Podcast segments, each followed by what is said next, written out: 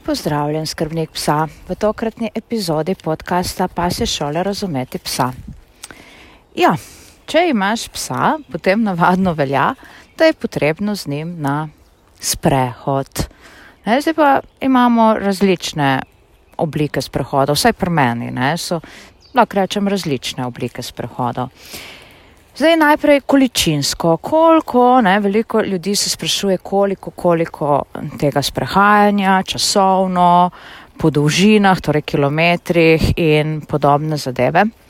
Ja, to je precej odvisno od vsake posamezne osebnosti psa, torej njegove telesne konstrukcije, pasemskih nekih predispozicij oziroma če imaš mešanca, kaj pač telo pove psa. Ne in pa seveda od starosti psa, ne, od starosti, njegovega zdravstvenega stanja in podobne zadeve.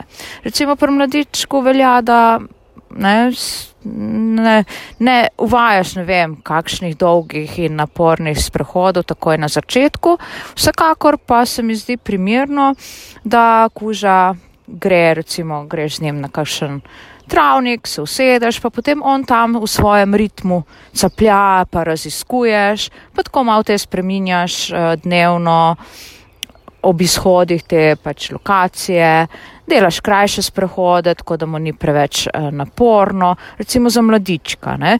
Potem, če imaš zdravega odraslega psa, potem to temu primirno um, pač prilagodiš sprehod, zdaj tudi po kakšnem terenu boš hodil, ali boš šel v hribe, boš šel po ravnini, ali boš tekel, recimo s psom, na kak način boš tekel, ali bo to kanikros, ali bo to kak jogging, ne, da je pes ob tebi.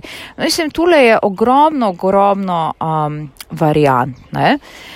Potem imaš pa tašne sprehode, ki so namenjeni samo, da gre pes opraviti potrebo, torej da gre lulat kakat, ne zdaj pri mladičku, ali pa pri mladem psu bi te upozorila, ne, da se malo izogneš temu, da pes lula kaka, pa ga pa hitro pobašaš nazaj notri, ne, v, v hišo, če, ne, dobro, če dežuje, pa imaš kratko dlakega psa, si mu s tem naredil uslugo, ne. Če imaš pa takole, kuška, pa lep dan, pa, pa vse fajn, ne, pa ti lula pa kaka, pa vidiš, da on bi še malo raziskoval, ti ga už pa takoj pobasal v notranji prostor oziroma v, na dvorišče nazaj ali karkoli, ne, ga boš nekako omejil, mu vzel to raziskovanje, ne, potem bo pa naslednjič čakal s tem iztrebljanjem, ne, pa ne bo takoj lulal kakal, zato ga bo rekel, ah, lej, najbolj zdaj to malo zadržujem, pa bom potem, ne, da si bom jaz malo še vmes vzel umetniške svobode, pa bom malo vohljal, pa raziskoval, ne, predno me dajo noter. Tako da pazi na to zadevo. Pri lulanju, kakanju jaz navadno tudi pse navadim na, na povelje, da to naredijo, ker mi je potem lažje, ko grem v kakšno drugo okolje, samo rečem lulat kakat, pa pes potem pač ve, kaj se od njega nekako pričakuje. To dejanje navadno v začetku tudi potem nagrajujem in podobne zadeve. Ne? Torej imamo več oblik sprehodov. Ne? In ena izmed oblik sprehodov je tudi takšen sprehod, ki ga nekateri imenujejo kot aktiven sprehod, pa recimo moraje mogoče popestritveni sprehod. Ne? In jaz mislim, prepričana sem, ker mi tako pač kažejo psi v svojem vedenju, da dejansko psi potrebuje neko ravnovesje med tistim sproščujočim sprehodom, ko so oni samo psi, psi, pa vohljajo po svoje, pa raziskujejo po svoje, ne? potem pa med tistim, ki ga malo oplemenitiš, ne? sprehod, ki mu dodaš neko, neko usmerjeno dejavnost. Ne? To, to ravnovesje je nekako fajn držati. Ne? Zdaj, pri tej usmerjenosti ne, v, na sprehodu, usmerjeni neki aktivnosti, ljudje včasih mislite, da je treba ne vem kaj narediti, ne, da ne vem, treba izumljati toplo vodo, ki jo že vsi poznamo. Ne. Ni treba, ni potrebe. Ne. Psi niso tok, pa tudi ne zahtevni. Ne. Ja, imajo radi izzive, absolutno, niso pa tok zahtevni, da bi zdaj moral gore premikati, da mu boš popestril sprehod. Ne. Recimo, eh, sprehod mu lahko psu popestriš že tako, recimo, da ga pelješ na neko neznano področje in da ga sam tam raziskuje, da mu daš čas, da se ga raziskuje, da se sprehodita. Ne? Pa tako, ko zamenjaš malo kakšno lokacijo sprehoda in imaš že takoj neko novo situacijo in pes ima neko novo izkušnjo in to je že popestritev sprehoda. Jaz si pogosto sprehod seveda popestrim, kot vidiš po mojih prispevkih ne, na YouTubu in podobno, s tem, da psu aktiviram nos bolj usmerjeno. Ne.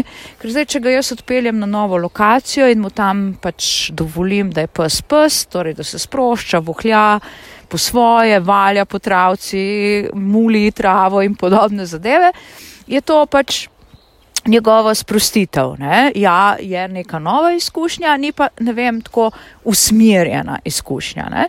Pa, ko pa govorim o usmerjeni dejavnosti, to pa pomeni, da sem jaz tista, ki pač psu rečem, gledaj, zdaj bi pa jaz želela, da ti usmerjeno uporabiš svoj nos in mi poiščeš to pa to žogico. Ne? To zdaj jaz tebi tako razlagam, pri psu seveda tako ne razlagam.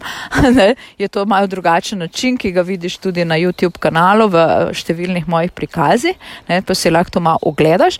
Ne? In to je potem takšna usmerjena neka dejavnost, usmerjena uporaba nosu. Zdaj, če boš opazoval pse, je takole, ne? kadar psi spontano vohljajo, In so oni, oni, ko jih mi nič pri tem ne motimo, v narekovajih ne uviramo, ja, jih to utrudi, jim je prijetno, jih sprošča. Ampak, ko pa ti zahtevaš od psa, zdaj to zahtevati, ne, to je še zmeri fan dejavnost, torej takšna superca dejavnost za psa, ne, um, ampak ne, ko ga ti usmeriš, ne, zdaj bi pa jaz želel, da ti prav to najdeš med vsemi drugimi vojni. No, ko pa pes more takole usmerjeno nekaj mm, s tabo sodelovati, kaj najdete v okolju, ta uporaba nosu je pa za psa malo bolj v izziv, ne, ga mentalno pač gradi. Pes postaja mentalno vedno bolj sposoben in ga seveda tudi na drugačen način, močnejši način, utrudi. Ne? Torej, če pes usmerjeno uporablja nos, ga to bolj utruja, kot pa takrat, kot, ko ga uporablja pač na nek spontan, nevoden način, recimo temu. Ne? Tako da je dobro imeti pač ravnovesje obojega na sprehodu. Tako da, recimo, kljub temu, da opaziš, da pogosto dajem kakšne tudi na družabnih omrežjih posnetke, kakšnih iskanj predmetov in podobno, pa ni to vsak dan, ne, to poudarjam, ne delam to vsakodnevno. Uh, privoščim psu tudi, da je samo pes, torej da se sprošča. Takrat me malo tako čudno pogleda, ne, ker, gledaj, zdaj je še tule eden dejavnik, zelo pomemben dejavnik in to je, če imaš ti delovnega psa, zdaj, ali je pasemski, ali pa samo osebnostno pes, ki je pač tako delavec, ne, ki rad neki usmerjeno s tabo deluje. Ne. Ja, tak, takšni psi, kar potrebujejo, včasih bi lahko rekli, dnevno dozo usmerjenega neke aktivnosti. Te popestritve sprehoda, ampak tudi zdaj spet, kako boš psa navadil. Ne? Jaz tudi, glede na to, da imam delovno pasmo, se občasno mu predstavim, da tudi kadar imam recimo igrače sabo in podobno, da ne bova zmeraj eh, iskala, da ne bova zmeraj recimo delala kašnih vaj, da ne bova recimo vadla poslušnosti in podobno. Ne? Da se bova morda samo usedla na kak štor v hosti, poslušala, kako ptičke pojejo ali pa bolenka pač. Eh, tule snemala epizode podcasta, ne, Lenkin pasi svet ne, in podobne zadeve. Ne. Glej, um, neko ravnovesje je zelo, zelo pomembno v življenju psa, tudi v življenju človeka in to ravnovesje kar malo izgubljamo. Ne. Tako da morda ta epizoda tudi opomnik na to, da že ja, te uh, pač aktivni sprehodi, torej neke oblike delovni sprehodi, kjer se pes uči, da z nami v zunanjem okolju sodeluje, da recimo gost ni rezerviran samo za iskanje vonjav srnic, zajčkov, fazančkov in podobnega, ampak tudi za iskanje, ne vem, kakšnih ljudi, predmetov, igrač, ne, vse to je superca, ampak ja, poudarjam, naj bo ravnovesje, da smo lahko vsi samo sproščeni, ker to nam včasih kar majčkeno primankuje in smo naredili tudi iz psov takšne odvisnike od neke, nekih dejavnosti. Ne. Tako da po, po neki pameti, prosim, lepo ne, tu apeliram. Ja, vsekakor, dajmo narediti sprehode uh, zanimive. Ne ampak naj bodo tudi zanimivi v smislu pestrosti, da enkrat se sprostimo, drugič gremo s kakim pasim prijateljem skupaj na sprehod, če seveda imamo pametno pasjo družbo, tretjič se samo sprehajamo in um, vohljamo tako spontano, potem četrtič uh, recimo psa zaposlimo usmerjeno, torej imamo nek aktiven uh, sprehod, nek delaven, potem naslednjič mogoče kakšne trikce učimo na kakih naravnih uvirah, skratka, pusti domišljiji prosto pot. Je pa res, ne, da naj bo vsega pomalem, ne, ne samo zgolj hoja, hoja, hoja ali pa samo delo, delo, delo. Torej, srednja. Srednja pot je najboljša. Tako, sedaj se pa jaz iz tega uh, mojega današnjega epizode počasi poslavljam, da moji ptiči ne bodo spontano vohljali predaleč v hosto in izvohljali, kar jaz ne bi želela, da izvohljajo. Ne?